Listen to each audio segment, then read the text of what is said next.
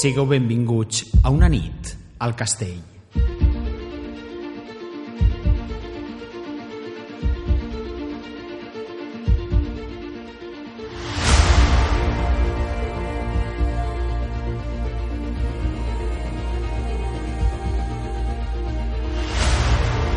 Una temporada més, aquest castell obri les portes i et convida a entrar per descobrir els seus secrets.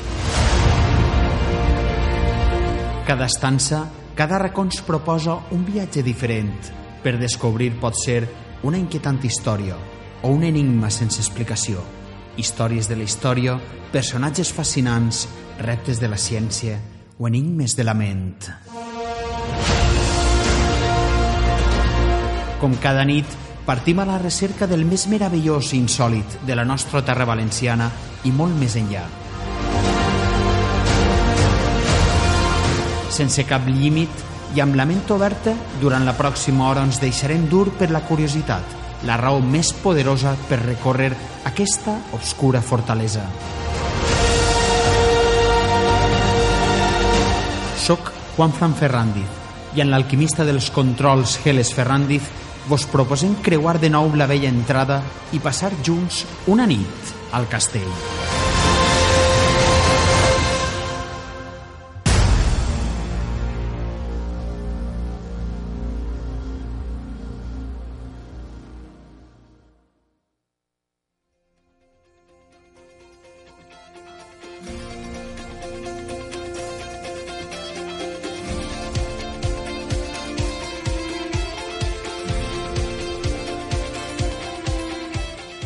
Comencem aquesta nit amb la companyia del nostre conseller, el folclorista Sergi Gómez, que ens porta el fascinant tema de les relíquies. Les relíquies són elements sempre a cavall entre la devoció i la superstició que ens parlen del passat i ens proposen un fascinant viatge al més insòlit de les creences. Algunes són tresors històrics i altres, com veureu, totalment impossibles, però això les fa cap encara més valuoses i dignes de menció.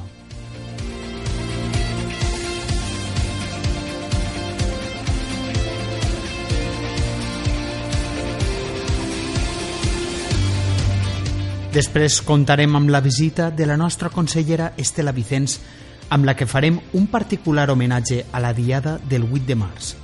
Vos convidem a descobrir la biografia de dones del passat, valencianes i d'altres terres, però que veritablement van donar les primeres passes que han acabat sent eixes massives manifestacions a totes les ciutats que hem vist el dia d'avui i que estan fent història.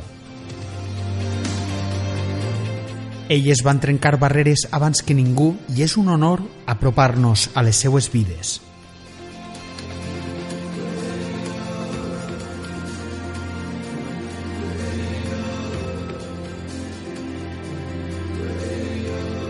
Temporada 3. Això és Una nit al castell.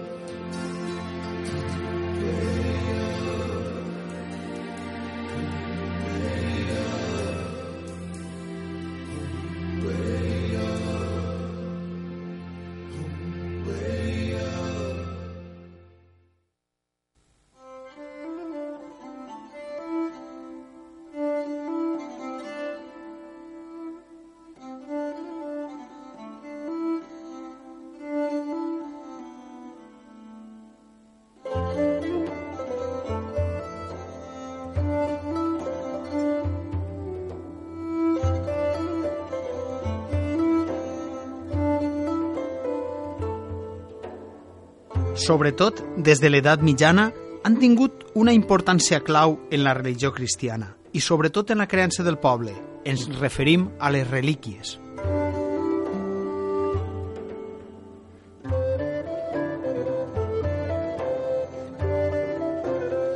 Sempre envoltades d'una aura mística, miraculosa i meravellosa, al seu voltant es barreja fe, devoció sincera, superstició, superxeria, negoci,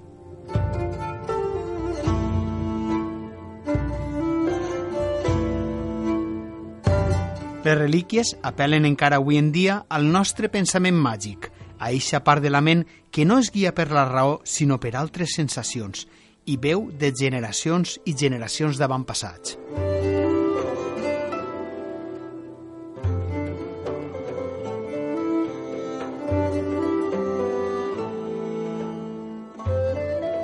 No és el nostre castell el lloc per analitzar, mesurar i interpretar el fenomen de les relíquies, però crec que podem afirmar sense por errar que les relíquies, la seva tradició i la seva localització han sigut uns elements definidors també de la nostra cultura.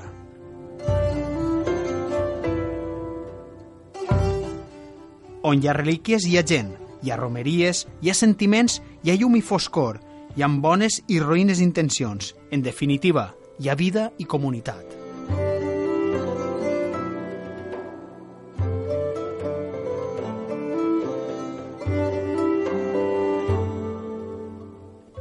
És un tema que volíem tocar des de fa temps.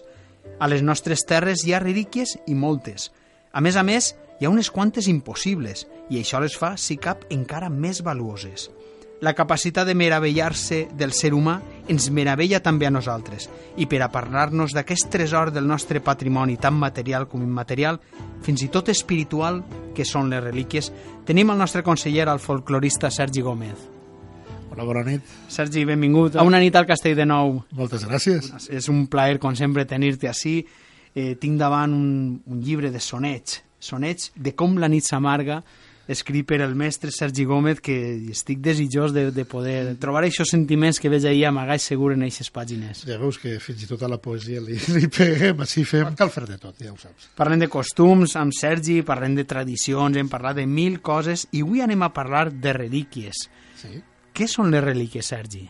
Les relíquies són vestigis que queden de persones que admirem per qualsevol cosa eh, perquè són, han sigut importants històricament per a una comunitat o fins i tot per a una mateixa família.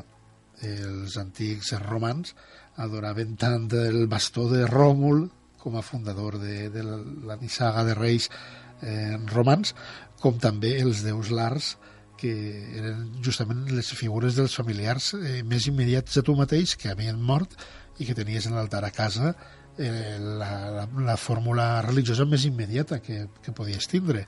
Jo he començat la presentació parlant de l'edat mitjana i de les sí. relíquies cristianes, però no és del tot cert. Crec que ahir no ho he acabat d'encertar perquè no. veritat que això és un fenomen molt més estès. Sí, sí, sí, i tant que sí. Sempre volem recordar. I si són eh, persones que han estat autèntiques fites, eh, sempre hem volgut tindre algun, alguna manera de, de tindre'ls entre nosaltres, ja sigui conservant alguna peça que ens assegure la seva existència real uh mhm. -huh. i no mitològica, per més que després t'inventes qualsevol peça que, que vulgui justificar, com eh, fent la imatge a través de, de, de, de l'art que ha hagut cada època, no? És sí, molt... perquè, però em comentaves també que hi ha altres religions també en tenen... Ah, sí, sí, no és una qüestió nostra. Fins i tot hi ha gent que opina que tot això ve de les religions animistes, uh mhm. -huh. que consideraven que en aquestes representacions estava encara l'ànima de, la, de la persona que, que l'havia tingut. Tenint en compte que ara mateix, per exemple, quan mor un lama, per trobar eh, els tibetans eh, la, la, la reencarnació mm. del futur lama s'utilitzen peces eh, quotidianes del difunt que eh, la reencarnació jove ha de reconèixer, si no, no se'l pot proclamar.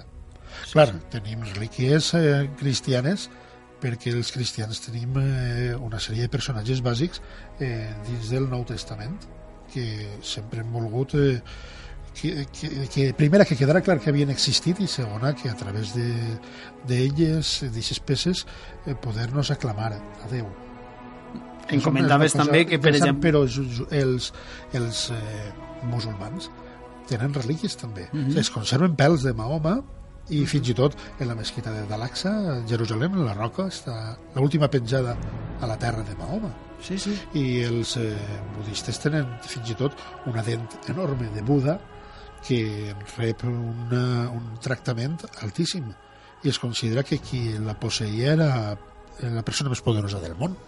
Aleshores estem parlant de coses que a la gent la mouen, a les col·lectivitats els mou i, i clar, això s'ha de tractar amb molt de respecte. Són importants les relíquies. Jo, jo de fet, volia començar així, volia començar centrant, eh, donant un poquet d'idea de l'envergadura que té aquest fenomen a nivell mundial. I ara sí que ja tornem cap a nosaltres, el nostre sí. passat, la nostra tradició, que bebem de fonts cristianes, que és en la zona sí. on s'han criat, i quantes relíquies tenim? Massa Massa. Ten en compte que és una, un costum inveterat, el tenim des de sempre, pràcticament, de cossos fins i tot bíblics. Un dels casos més espectaculars, encara que ens és tan quotidià que no, no el pensem, és que tenim fins i tot el cos d'un apòstol a si mateix, a Sant Jaume de Galícia, a Santiago de Compostela. Mm -hmm. Sí, Està sí. l'apòstol Sant Jaume. És I dir... es conserva el seu cos. Imagina't, des d'aquell moment fins ara, què faríem per tindre eh, realment una constatació de l'existència física de Jesucrist? Clar. Que, I, de, i de, de la Mare de Déu fins i tot eh, s'han arribat a crear eh, fórmules de, de relíquies que ara mateix les discutim moltíssim fins i tot si ens podem posem a pensar com algú pot ser tan crèdul, per exemple, de que conservem sospirs de Sant Josep. Sí, com es pot replegar en aquell moment? I això ha generat fe i és importantíssim perquè davant d'aixes relíquies, de, de, davant d'aquesta munió de, de relíquies en reliquiaris preciosos que es, estan pràcticament en tots els llocs per una raó molt senzilla. Al principi de, de la història eclesial eh, es volia limitar l'existència de temples, uh mhm. -huh. perquè si no s'havien multiplicat d'una manera escandalosa. Aleshores forçaven a que hi hagués a cada temple, a l'ara, a l'altar, una relíquia. una relíquia. I aleshores vol dir això que era es va convertir en una necessitat urgent peremptòria el, per als cristians si volien establir una sèrie de comunitats en qualsevol lloc que hi haguera relíquia. Jo, si vols, Sergi, eh, em pareix importantíssim això perquè ja, ja comencem a entendre el per què ha proliferat tant això en, en el cristianisme. Si vols, per, podríem començar per les més importants, al teu entendre, sí. a nivell, i després ja anirem aterrissant, sí. perquè de veritat Bé. que hi han relíquies que ens deixen bocabadats. Però comencem per les importants. I, hi ha temps de relíquies i temps que no. De sobte hi ha una revolució iconoclasta i te les cremen totes. Això sol passar. Sí. Bé, l'Església reconeix tres tipus de relíquies. De primera classe, segona classe, tercera classe, mm -hmm. fins i tot. Les de primera classe són aquelles, eh, fins i tot ho diuen en llatí, expilis, el cabell de la persona, mm -hmm. del sant. Excarne, trossos de carn, pell, algun braç, algun... i exòcibus, trossos d'ossos. I això són les més importants. Són no? les més importants perquè, clar, remeten directament al personatge. Clar. Després tindrem la segona classe, que són ex vestibus, la roba, mhm. -huh. i finalment eh, els elements de, a contacte, que han tingut algun tipus de contacte, és a dir, alguna eina, alguna estri, algun, el bastó, el, el, alguna, alguna peça que ells utilitzaren, i finalment alguna cosa que es poguera extraure de les caixes on es van soterrar, o de les tombes on es van soterrar. He dit caixes perquè és excapsa sí, sí, del sí. taüt, directament, tret del taüt, no? Clar, a partir d'ahir, a partir d'ahir, podem jugar en el que vulguem, faltaria més, perquè seria molt bé, podem tindre de primera, segona i tercera classe, però potser les més conegudes no són de la primera classe, sinó de la segona o de la tercera, no? Per exemple, al nostre territori immediat, eh, eh, sense cap dubte, la més coneguda de les relíquies és el Sant Calze. Mm -hmm. Sant Calze que es guarda, segons la tradició, a la catedral de València. Bé, aquesta seria de contacte. Clar. Perquè no forma part... No però, és del clar, primer grup. No, però realment és la més important perquè, segons la tradició, és eh, exactament la peça amb la qual es va establir eh, la base de l'Eucaristia. Aleshores, és indiscutible, a més, mm -hmm. la tradició literària medieval que du darrere, amb totes les històries del rei Artús, la matèria de Bretanya, el, Graal. el, el Graal, realment és el Graal, però és l'únic no, n'hi ha més de 25 eh, candidats a ser el, el Sant Calze. Es diria 25 calzes sí. repartits per al món. Que... Sí, de totes formes i mesures. Eh, vaig estar fa poc temps a León, a la col·legiata de Sant Isidoro de León, i allà està el Cádiz de Doña Urraca. Uh mhm. -huh. És el que competeix directament sí, amb el sí, calze sí. de València. Vam parlar també d'ella, sí. I és, és eh, espectacular. A més, en les últimes informacions que diuen que el, eh, justament el rei de la taifa de Dènia, la nostra taifa de Dènia, uh -huh va ser qui va fer que arribara a Lleó per fer un pacte amb els reis cristians, portant-lo directament des d'Alexandria, que l'havien agafat de Jerusalem, eh, la, i la història és anterior a la justificació de que nosaltres tenim el calze a València. A nosaltres, sí, una, una consellera, Pepa Ginestar, sí, que sí. des de Denia ens, ens ho va contar d'una manera meravellosa. A més, sí. és un calze que, que tenia poders màgics. Oh, és i dir, tant, i és- tant, és- sí, sí. Quines més? en- A veure, eh, l'altra que és eh, d'importància màxima és la Santa Fas. Uh -huh. La tela que, segons la tradició, la Santa Dona Verònica, amb ella va torcar-la al suor de Jesús al camí del Calvari i es va quedar marcada ahí el rostre, no? Eh, la ver- verdadera imatge, Verònique. La Verònica. Aleshores, què fem amb això si resulta que tenim més de 60 en tot el món? Clar, i La, una, una la d'Alacant és la de, la, la de veritat, no? Segons els alacantins. Clar. Però no digues els de Llutxent, perquè diran que de- la, la bona és la de Llutxent, que també en tenen una altra. I així pots trobar-te'n moltíssimes. Sembla que hi ha una fins i tot en Alcoi. Ui, i tant. I no cregues que de històries d'aquestes poden eixir-ne moltes, perquè venen eh, tot el que pugui estar relacionat amb Jesucrist ven moltíssim en aquest Mhm. aspecte. A tot el món, a part de tindre el Sant Calze, també és molt conegut el, el llençol aquell, el Sant llençol, el, El de síndone Turí, la de Turí. Home, ja diràs ahir. Jo crec que és una de les més universals perquè damunt al seu voltant sempre ha hagut eh, Sí. molta literatura i molta... Però el que no sap la gent és que aquesta peça enorme que va tapar a Jesús no li va tapar la cara. A la cara n'hi havia un sudari que es conserva a Oviedo. Mm? És molt interessant. És una peça que damunt s'ha demostrat que està relacionada amb la de Torí. Sí, És- és, és és, cert que diuen que les superposes i coincideixen Això és el que- determinades és el que es taques i, i... Clar, en un món de tanta falsificació Clar, medieval com aquesta, és sorprenent els resultats que el donen avui en dia. Clar, la ciència ha de justificar la veritat d'eixes imatges, d'eixes peces que per a la gent és més creença que altra cosa? No sé, és, eh, és una, una qüestió interessant, aquesta discussió de les relíquies, i més quan els mescles amb altres tan curiosos com el mateix Oviedo, que tens el, eh, el tros aquell de, de tela tan ben documentat al costat d'una relíquia que guarda llet de la Mare de Déu. I dius, eh, què és això de la llet de la Mare de Déu? Com pot ser veritat? Però quan comences a rascar i veus que en el centre de França, per exemple, era una manera fantàstica dir en l'època medieval de curar-te qualsevol malaltia, beure llet de la Mare de Déu, dius, com pot ser això? que n'hi havia tanta llet de la Mare de Déu que la repartien i no, és que en, algunes, en alguns temples francesos eh, rascaven les imatges d'alabastre de la Mare de Déu i les mesclaven amb aigua Ah. i això ho donaven per a la curació dels malalts no, no és relíquia en absolut, però sí que està relacionat amb, amb el tema i és tot tan curiós, tan interessant Jo penso que el, el món de les relíquies és un món que està tot envoltat d'històries. Cada relíquia té la seva història i això és el que em pareix meravellós. Nosaltres no ho apreciem, arribes a, a alguna església que no coneixes, el veus un relicari i dius hi ha un os i el posa l'os de sant o de la santa o, o la...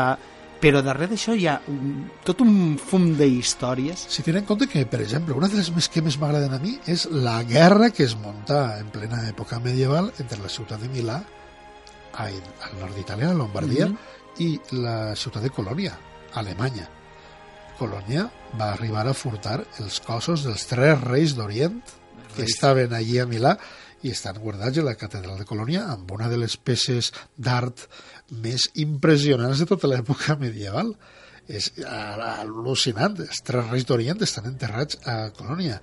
I dius, Sí, segur? i, i, a, segur? i a Milà, en, una, en la iglesia, està la tomba buida, perquè Clar, es va clar. quedar la construcció dins de l'església i allí es va quedar, clar, com ja no tenen els cossos, Efectivament, i et dius, això què és? Sí que n'hi ha eh, relíquies que estan perfectament documentades perquè eh, són més, més modernes o també són de- d'una època antiga, va haver un seguiment. Per exemple, eh, les peces que tenim de Sant Vicent Ferrer, que van ser, eh, van morir fa 600 anys ara en guany, però eh, es van portar justament des de Vans, des de la Bretanya, i està documentat que sí, són fragments del seu cos, el de la seva roba, i sí, els tenim així. Però n'hi ha altres que podríem dir que... A veure, per exemple, com pot ser que eh, conservem a tota Europa un- més de 60 dents de llet de Jesucrist? entrem ara en el terreny, Ah. en el terreny d'eixes relíquies que, que era una de les parts també que vo- volíem tratar, hem parlat de Sí. relíquies importantíssimes com el cos de Sant Jaume, Santiago de Compostela, a dir, Sí, sí. I, i, o Reis Mags, és dir, hem parlat, però també sabem que hi ha moltes relíquies que, que es deixen sorpresos, no? i és un, és, és un fenomen sociològic com aquestes relíquies estan in integrades en el teixit devocional d'una de, de, de, de comunitat. Anem a parlar... Sí, però tinc en compte que les coses sí que es fan amb trellat. Mm -hmm. eh, poden passar els temps, però quan avança la tecnologia i trobem que hi ha una sèrie de qüestions que són inevitables, l'Església ha sabut perfectament retirar-ho. Mm -hmm. La intenció de l'Església sempre ha sigut la mateixa. Eh, les relíquies són recordatori dels sants, de les persones que van seguir a Déu i que en un principi les recordaven, però després van servir en lloc de model com intercessors. Passen a ser intercessors de, davant Déu. Mm -hmm. Què passa amb això? Que les relíquies continuen vives, però i les que són dubtoses, si tenen una tradició històrica, respecte a la tradició històrica s'exposen, igual no estan a la veneració de, eh, directament dels fidels, però estan ahí. Mm -hmm. Han hagut casos com, per exemple, aquell famós, aquella famosa dent de Sant Cristòfol, que com es dia que Sant Cristòfol media 6 metres, la dent era de pam i mig.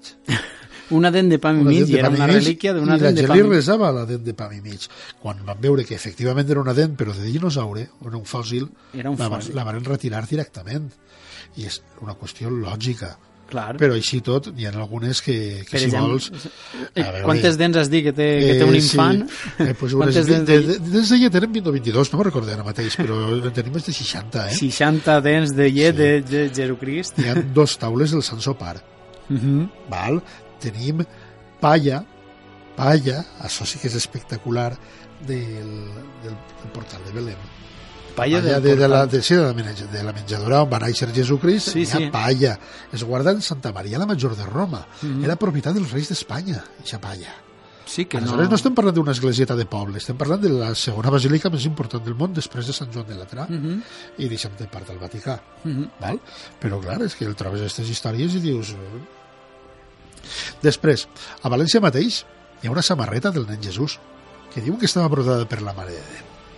És dir, això de, de les relíquies així de, de, a València sí, pot, sí. pot ser una de les més curioses. I el bolquer, també hi ha un bolquer. Un bolquer. Sí, un bolquer. En aquella època possiblement els bolquers no foren com els que es conserva, però bé, sí que n'hi ha peces que estan clares de sants valencians, la mà de Sant Lluís Beltrán, mm -hmm. Parts del cos de, del papa Calís III, papa Borja, estan en la catedral de València. Però clar, també tenim pèl de la Verge. Pèl de la Verge. Sí, pèl de la Verge, el braç de Sant Jordi, Bé. En compte és que el braç de Sant Jordi viatja al coi. Ha anat alguna vegada, sí, ah, sí? sí, tal, les relíquies de Sant Jordi, clar, mm -hmm. faltaria més. Clar, clar, I a Banyeres de Mariola també. On és el, és on qüestió, és el patró, clar. Sí, sí, és una qüestió... Eh, veus, eh, això motiva la fidelitat de la gent. Sí, sí, és una qüestió prou normal. És una manera de, de dinamitzar també un poc la, la, la devoció al patró sí, en cada però, poble. Però clar, quan veus que es guarden dos monedes de les que de Judes, uh mhm. -huh. les que el Sanedrí li va donar a Judes per trair a Jesús i que eren 30 monedes de plata Això diu. i n'hi ha 460 en tot el món uah, ahí és que alguna cosa hem perdut. Sí. També és molt difícil que puguem tindre eh, cossos dels innocents de, del que va matar el rei Herodes. Mm -hmm. Però els hi ha, eh? Els hi ha. I sobretot a València... De, de sants innocents, d'aixòs xiquets, sí, no? Sí, i a València capital, la més coneguda de totes, a part del Sant Calze, és el braç de Sant Vicent Màrtir. Ahí, sí, efectivament. Està en la girola de la catedral, darrere mm -hmm. de l'altar major, allí posat, es varen fer els anàlisis en la seva època, en els anys 60, i varen trobar que era d'una persona de jove, d'aquella època, i el més sorprenent, que els últims 10 dies de la seva vida havia estat en molt de contacte amb el foc. En molt de contacte amb el la? És que l'havien cremat bastant de la persona viva. Ah, sí? Sí. El que passa és que també comences a contar i també hi ha tres braços de Sant Vicent per ahí, mm. de Sant Vicent Màrtir. I dius, ja estem una miqueta perduts. En l'església del Patriarca de València també hi ha peces molt interessants i, i en podem trobar a tot arreu. Eh, jo recordo fins i tot que em feia molta gràcia que al meu poble, abans de la Guerra Civil, a Ontinyent, teníem eh, tres cossos de les 11.000 verges, aquelles tres? dones Clar, eh, de que acompanyaven a Santa Úrsula. És que, eh, evidentment, eixim purament de lo que és en si la Bíblia o, o, o el Santoral sí, i, i anem un poquet a, a determinats passatges de la Bíblia... De, de, o, de, o, del, o del costumari dels sants, Exacte. perquè hi ha moltíssim. Però tu imagina't, tres cossos de les 11.000 verges. 11.000 no són, són moltíssimes, no? Però és que realment això és una corrupció històrica, perquè eren 11. Ah. Aleshores teníem un, teníem un tant per cent molt sí, elevat sí, de, sí, sí, sí. de relíquies, relíquies eh, senceres de dones. Imagina't, tot, tot un cos i tres cossos. Bé, és que n'hi ha tantes. La més estesa a tot el món, perquè això pràcticament tots els pobles tenen, és el lignum crucis, la, eh, la llenya de la creu de Sí, Crist. eixa fusta, Doncs eh, eh, estem en- pràcticament a qualsevol església, qualsevol temple és jacta de tindre alguna, alguna llesqueta, Sí, alguna, sí, i algunes són ben grans. i algunes són ben grans. Què, i... què fem amb això? Si comencem a comptar, eh, no només es pot fer una creu, es poden sumar... No, no recordo qui era l'autor que deia que es podia fer tot un bosc de creus. I diu, bé, mira, fantàstic. I a mi la que més m'agrada de totes, de les, de les nostres, és la ploma de Sant Miquel. La ploma de Sant Miquel. Com podem tindre un- d'un ent no corpori, com podem tindre una ploma? En tenim dos. Una és guarda Llíria Mhm. i l'altra l'alqueria d'Asnar. La de Llíria està molt clara. És que resulta que la imatge antiga del sant es va cremar i només va quedar una ploma. Mhm. I es va guardar la ploma. És Faltaria d'un- més. és de d'una fusta. figura, és de- és- Clar, Mhm. sense cap problema. Però, clar, una història és eh, el que tu veus i l'altra història és el que després queda en la cultura popular. Clar. De quantes Mare de Déus, per exemple, coneixem perfectament la factura, eh, qui la va fer, què va cobrar, quin material va utilitzar, però després resulta que ha estat feta per àngels. Clar. Això és molt sovint. Escolta, Sergi, i, i, i pa- també em parlaves d'una relíquia de l'Esperit Sant. Ai, sí, per favor, a Alemanya tenen un ou de l'Esperit Sant. A Alemanya hi ha un nou de Sí, l'Esperit que Sant, el, del, Colom, del Colom. que el Colom va posar l'ou mentre feia l'anunciació l'àngel Gabriel a la Mare de Déu. Clar, i dius, bé, val, d'acord, eh, un ou, un ou, però encara n'hi ha una de pitjors. Això, això anava a preguntar-te, quina seria la que en el rànquing de, de relíquies més eh, estrafalàries, però d'alguna manera, insòlites, col·locaria? A veure, que ens perdonen perquè ho fem des de tot el respecte, Per però supost. és molt... Eh, a més, la, la que anem a dir ha generat molta controvèrsia a l'Església. És el prepuci de Jesucrist. El Sant El Prepuci. Sant Prepuci. Vejam, el Sant Prepuci no pot ser el Sant Prepuci per una raó simple. La forma que tenien els jueus de tallar el prepuci als xiquets, eh, una qüestió cerimonial, quan naixien no és la mateixa d'ara. Mm, clar. Aleshores es feia només un tros, una llesqueta. No és com ara que tallen la pell del penis Clar. i es converteix pràcticament en un anell. Mm. Clar, però la nostra visió actual l'hem fet a partir d'aquest anell que no, no podia ser. I això ha suposat diversos conflictes per una raó senzilla. Eh, si Jesucrist va ressuscitar, diuen alguns teòlegs, va ressuscitar complet o no? Quan va ressuscitar, tenia prepuci o no tenia prepuci? Clar. eh, es va aclarir això. Eh, van dir que era com el monyo que el tallaven o que les ungles que creixien i tallaven. Era una part eh, que es podia prescindir perfectament i no va ressuscitar amb el prepuci. Això va ser l'explicació final. Però, clar, eh, ixa festa, que damunt tenia la seva grandesa el dia 1 de gener, que es coneixia com la circuncisió del Senyor, Mhm. ara no, ara és la novena del naixement, eh, la van arribar a prohibir en 1900 perquè eh, resultava que era molt forçada. Sí, I sí. després eh, resultava també molt ridícul que hi hagueren 17 prepucis. És que no estem parlant d'un, estem parlant de 17. Amb unes històries magnífiques, que si una reina li el va regalar a Carlemany el dia que es va casar eh, i ell el va passar... Bo, però és que ho tenim en llocs bàsics. Eh, també n'hi ha a Sant, Joan de Latera un prepuci, n'hi havia. Ja no en queda cap, eh? Sí, a sí. Amberes, a Sant Jaume de Galícia també, a Calcata, a Itàlia, que és l'últim poble que va celebrar festa, a set eh, llocs distints de França. Fins i tot va haver una ordre que es dia la Germandat del Sant Prepuci. Sí, una, un filòsof investigador que es dia Leon Alcaccio, en el segle XVII, va arribar a dir que va pujar al cel i es va convertir en els anells de Saturn. És a dir, que des del mo- moment actual fins i tot podem prendre'ns a riure alguna d'aquestes mm -hmm. històries, però eh, així es generava una fe, se generava una És a dir, creença. l'anell de Saturno, este home dia que era Sí, el, sí, el sí, sí, prepuci. sí. I Santa Caterina de Siena, ben Mhm. coneguda, tenia visions místiques i pareix ser que es va casar amb Déu amb una d'aquestes visions posant-se el prepuci com a anell. Mhm. I fins i tot va haver una, una monja alemanya eh, que deia que el combregava, que el va combregar. I no una, sinó cent vegades. Clar, tot això va aparèixer molt exagerat Claro. i a, a Roma, Roma ho va tallar immediatament. Claro, estem parlant també de, de tradicions Clar. mm, que venen de molt antic, Sí, sí, barrejades en aquest pensament màgic, en aquestes supersticions, en aquest És dir, no... Sí, perquè fins i tot eh, està, és ben conegut el cas de supersticiós, en certa manera, de que el general Franco tenia sempre al seu costat la mà incorrupta de Santa Teresa de Dàvila, uh Mhm. -huh. Santa Teresa de Jesús. Aleshores, fins i, arribar fins a aquest punt. Clar. M'ha cridat l'atenció aquest que has dit dels sospirs de... El de Sant Josep. Eixe... També n'hi ha una altra, ha una altra que també és molt bona, que és la de les llàgrimes que va soltar Jesús quan es va enterar que havia mort eh, el seu amic Llàtzer. Ah, I, clar, jo sempre m'he muntat això. I això la vaig conèixer de ben jove. I em vaig muntar la pel·lícula de com apareix una persona a replegar-li les llàgrimes en aquest moment a Jesús. Perdona, Jesús, puc agafar-te les llàgrimes? No, no, no té massa... I la credulitat, aleshores, la credulitat de la fe, eh, ha estat molt gran, molt gran per a poder consentir aquestes històries com a certes. Ja t'he dit, la major part d'elles han estat esborrades de la, de la realitat Clar, clar. religiosa, però les tenim com a tradició, les tenim com a fet històric, les tenim com a fet eh, més que curiós. en qualsevol cas ha sigut un gran recorregut i un interessantíssim, una interessantíssima ullada no? a, a aquest món que ja diem, segur que hi ha mil històries Sí, que sí, tant. podrien contar i segurament seguirem contant cosetes. Ha sigut tot un plaer, Sergi. Eh, està molt bé això de poder parlar de, de temes d'eixos que normalment no, no, no, no, no s'escolten per ahí. pues així tenim el nostre castell i el tenim i el tenim per això, per a poder contar totes aquestes coses que, que en realitat ens interessen i sobretot ens causen molta curiositat. I tant que sí. Molt bona nit. Molt bona nit, tingueu.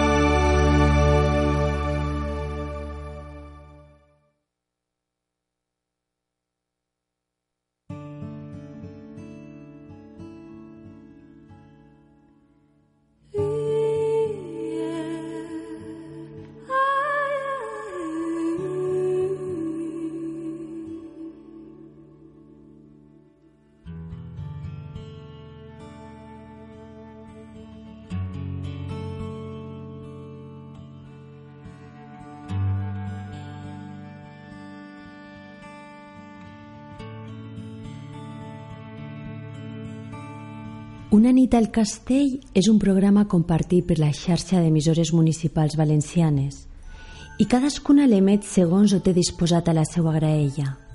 Però la primera emissió d'aquest capítol, el número 19 de la tercera temporada, ha caigut el dia 8 de març.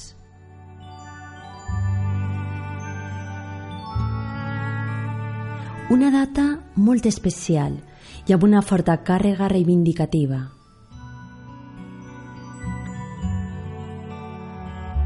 Incomptables dones de totes les edats i condicions han sortit avui al carrer per recordar a tota la societat que s'ha fet un llarg camí cap a la igualtat, però encara queda tros per recórrer.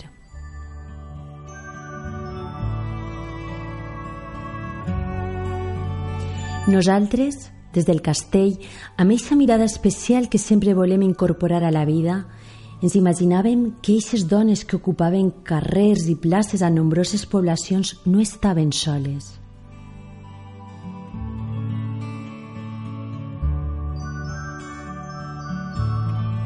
Entre elles caminaven també altres mullers, imatges quasi transparents, vaporoses, ànimes de temps passats, dones a les que ningú recorda, però que van fer el primer tros del camí. Dones que van donar les primeres passes de la llarga marxa que ara milions de dones han fet orgulloses.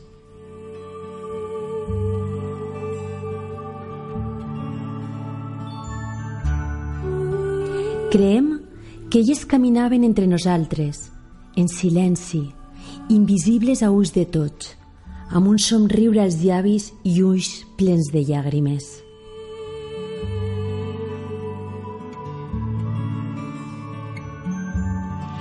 Els seus ossos són pols, però el seu esperit indòmit encara viu. Viu en cada muller que lluita pels drets i en cada home que les acompanya, perquè també estan ahí.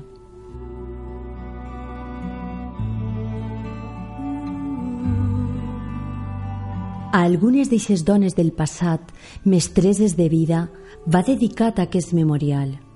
Vos proposem un viatge en el temps per conèixer unes poques d'eixes dones treballadores, una petita mostra que, estem segurs, vos resultarà sorprenent i esperançador.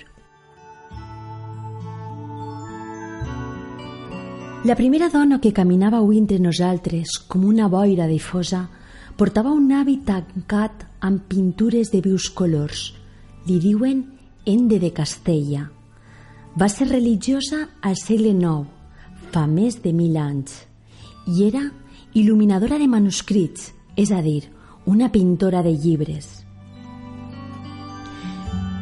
Com a mínim, és l'autora de les 115 miniatures que il·luminen el Còdex de Girona de Beat de Liébana.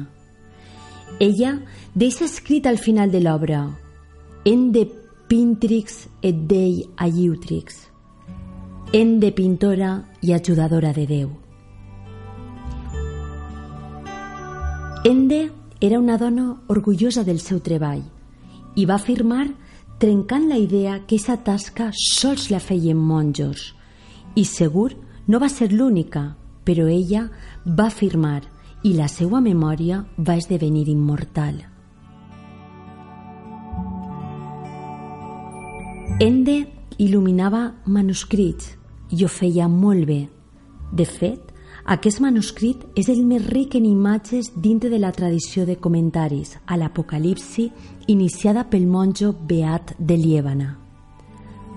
A més, era conscient de la importància de la tasca i per això diu pintora i ajudadora de Déu, doncs les imatges ajudarien a entendre el missatge religiós de l'obra escrita.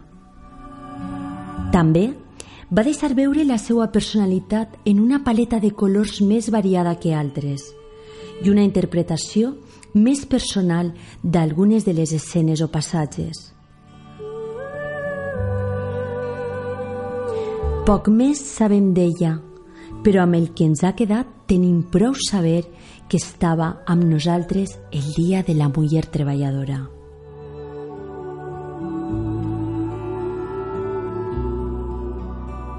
Altra dona que camina entre nosaltres porta una túnica vella, plena de pedaços, i li veiem les mans castigades de treballar la terra. Estem al segle X i d'ella Sols sabem el nom, Tudila. Ignorem el seu estat civil, però sabem que era cap de casa i mare, ja que apareix amb els seus hereus.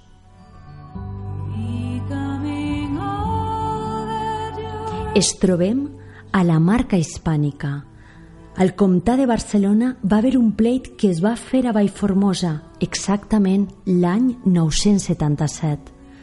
Sembla que el poderós comte de Barcelona d'aquell temps, Borrell II, reclamava els drets que afirmava tenir sobre les terres de Vallformosa i portava a judici els habitants de la vall dient que tot el que posseïen en terres, vinyes, edificis, garrigues i boscos o tenien injustament. Les pobladores i pobladors d'aquest lloc, en canvi, demostren que la terra era seva perquè els seus avantpassats havien emigrat allà des de feia molt de temps i l'havien estat conreant amb les seues mans.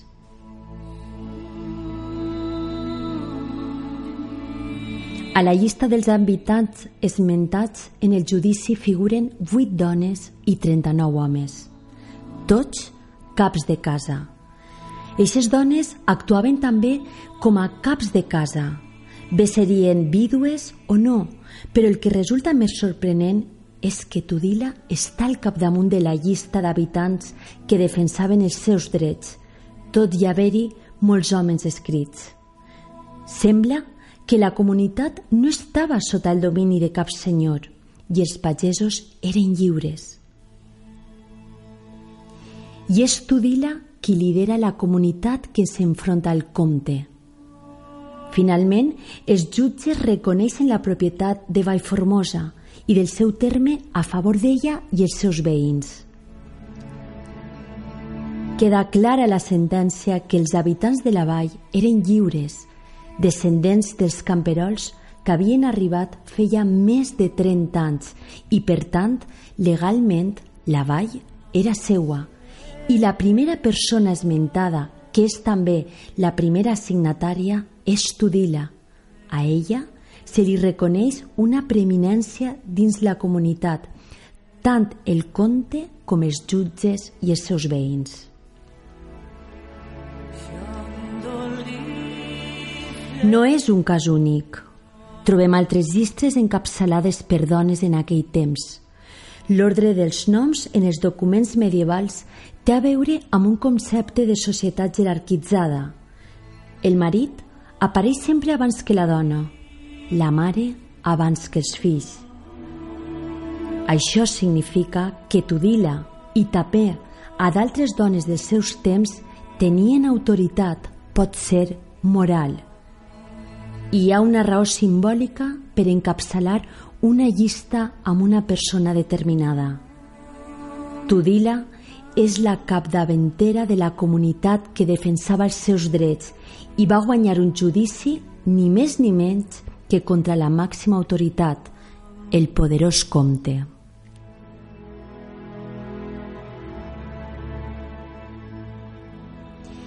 Deixem anar a Ende de Castella i a Tudila i ens fixem en altra silueta que camina al nostre costat. Ella representa allò que diem ara trencar un sostre de cristall. Però el va trencar molt de temps abans que s'inventara aquest concepte. Estem al segle XV i qui ens acompanya que és avui de març de 2019 és Peregrina Navarro, una metgessa de la població castellonenca de Morella.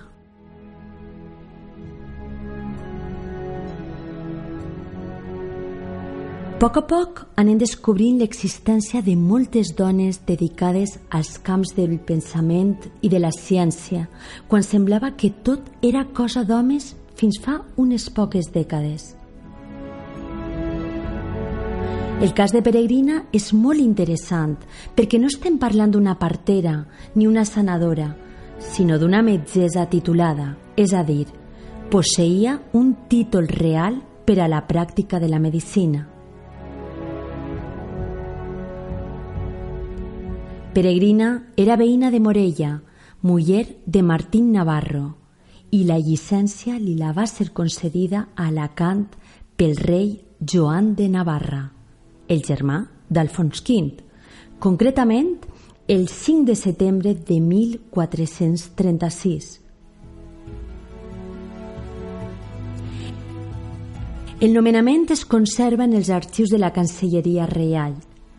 En el títol s'autoritza a Peregrina la medicina a les terres del rei i regnes de la corona d'Aragó.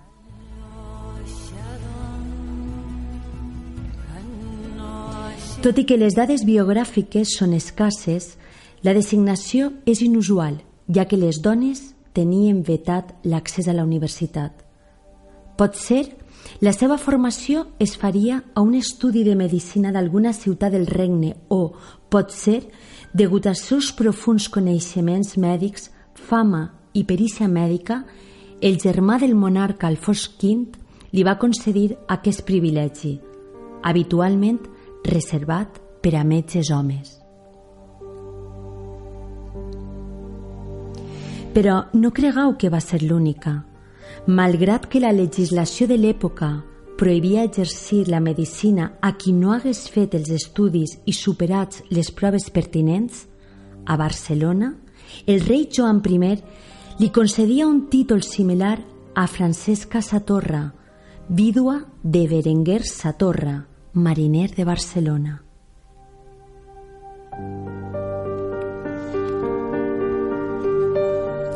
Deia, tenim algunes dades més que de peregrina. Sabem que Francesca podrà exercir com a metgessa tot i no haver estat examinada. El document reconeix a Francesca els anys dedicats a l'ofici d'obstetrícia, els anys administrant medicaments a dones embarassades, parteres, nadons, infants i altres dones i homes que requerien dels seus serveis.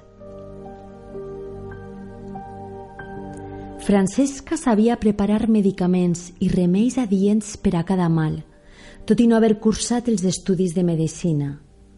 Per tant, el rei es limitava a confirmar els molts anys de pràctica que aquesta dona havia professat com a llevadora i com a metgessa. La raó del seu saber radica en el fet que l'exercici de la medicina havia estat des de temps immemorials en mans de les dones, i per això ella coneixia tan bé aquests sabers que li havien anat transmetent oralment des de petita probablement la seva mare o la seva àvia.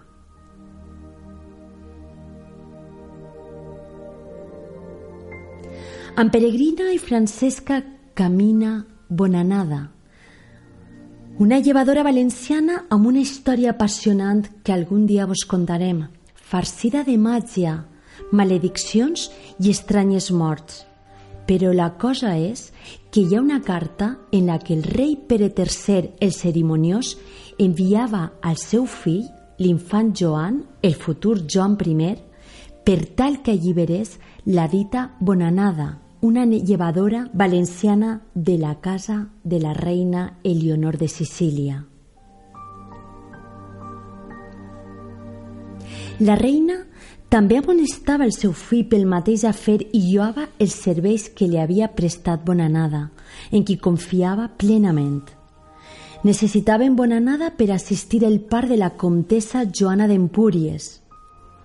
Per les dades que tenim, avui en dia consideraríem Bonanada com una professional mediàtica. Nobles i reines d'aquell temps, tant a Castella com a Aragó, la reclamaven – així Joana d'Empúries, Elionor d'Aragó, Violant de Bar i altres es posaren sota la seva atenció.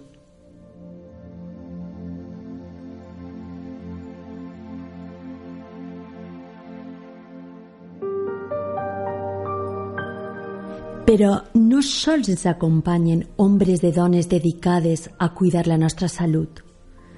Tenim així davant altra que cuidava de la nostra cultura. Li diuen Jerònima Galés i va ser una important impressora a València durant el segle XVI.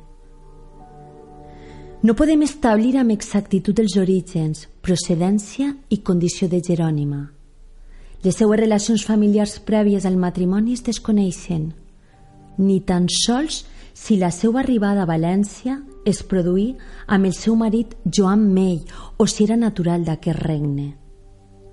Sí que sabem amb certesa que treballava en el taller familiar abans de la mort d'aquell. Suposem que es casà, com quasi totes les dones de l'estament artesanal, entre els 16 i 20 anys. En el testament del marit se li encomanà la tutela i la formació acadèmica i tipogràfica dels seus fills i filles.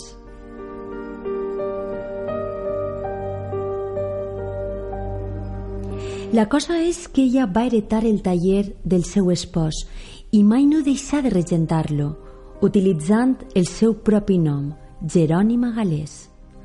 Per la longeva regència de Jerònima al cap del taller familiar s'endevina que seria jove o molt jove quan es va casar per primera vegada i que encara devia ser-ho quan va enviudar. Pot ser embarassada del darrer fill, Pere Patrici. Jerònima, Després de dos matrimonis, sis fills i unes 260 obres impreses, morí l'octubre de 1587.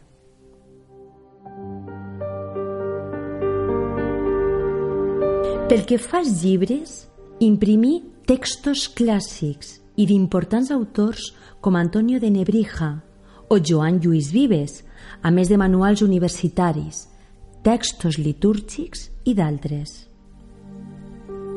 L'autoritat de València la va escollir per imprimir els furs i va reeditar obres d'autors valencians com Ausias March o la d'Àngela Almenar. Sense dubte, un amant dels llibres també era Maria Pasquala Caro i Sureda, una altra dona que camina orgullosa junt a la impressora.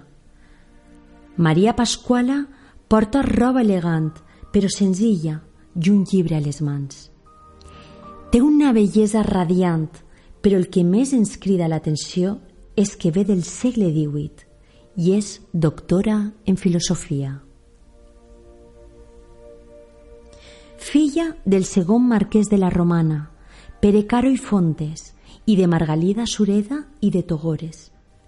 Excepcionalment per al seu temps, Maria Pasquala dominava el llatí i diversos idiomes, ja que la seva mare va procurar que els seus fills, homes i dones, reberen una bona educació.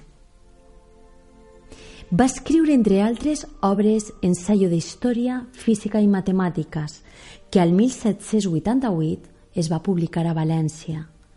Es va doctorar en filosofia a la Universitat Literària de València, fet insòlit per una dona en aquells temps – en 1779 va ser anomenada acadèmica de mèrit de l'Acadèmia de Sant Carlos a València.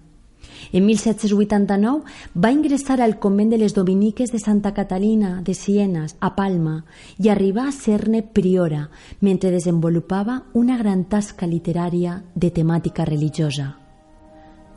D'ella es deia que era una dona modesta i senzilla, a pesar de la seva genialitat, la seva bellesa i la seva jerarquia social. Va morir a l'edat de 59 anys.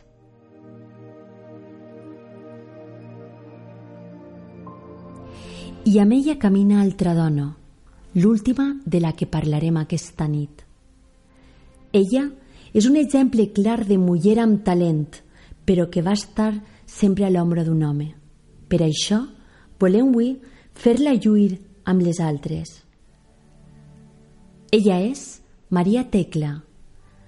Va viure a cavall entre els segles XVII i XVIII i fou l'esposa de Pere Anton Beciana, el fundador dels Mossos d'Esquadra, la policia catalana.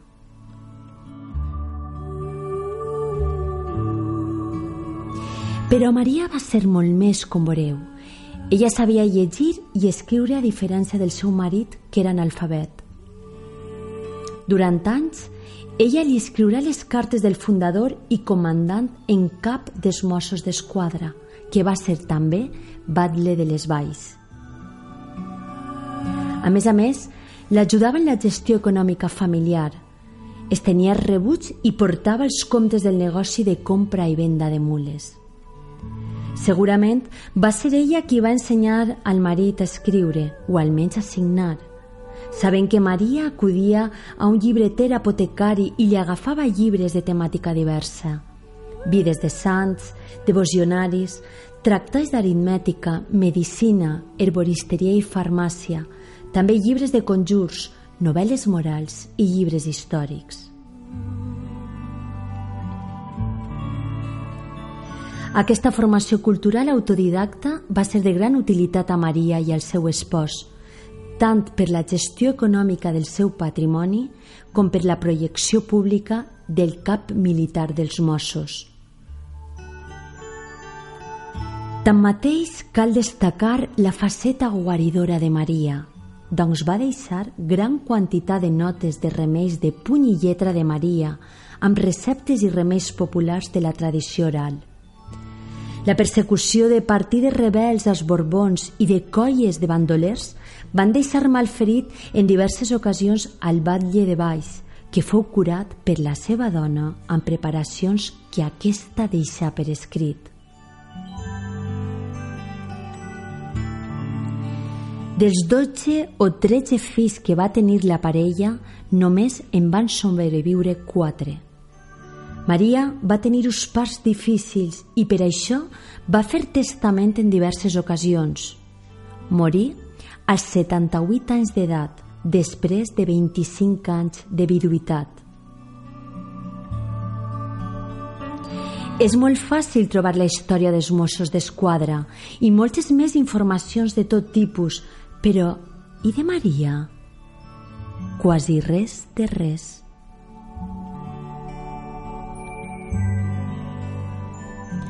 Però tot va ser gràcies a ella i per això també avui, 8 de març, camina amb nosaltres.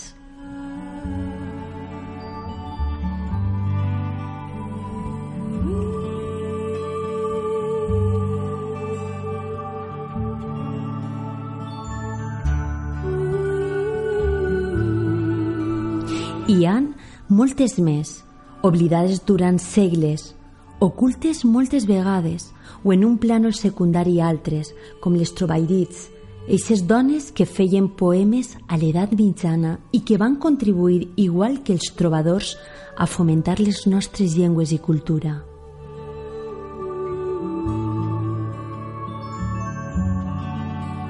Dones amb infinitat d'ocupacions i, per suposat, també dones perilloses com roderes i pirates amb les que més valia no creuar-se.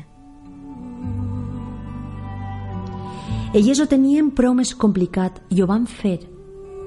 Una nit al castell volia presentar-vos algunes d'elles i el nostre verdader desig és que algun dia formen part dels personatges i biografies que s'estudien i apareixen als llibres de text de l'educació dels nostres infants. Si volem una societat igualitària en drets i oportunitats, cal una educació així, i això passa necessàriament per afegir-les als plans d'estudi. Cal saber que a l'edat mitjana hi havia dones que il·luminaven textos sagrats, que altres anaven a la capdavant de tota una població de pagesos davant dels poderosos, que unes tenien títol reial de medicina, que havia intel·lectuals, doctores en filosofia, empresàries, impressores i molt més, i sense perdre la seva essència femenina. Eixe és el nostre desig, que estem segurs compartim amb tots vosaltres.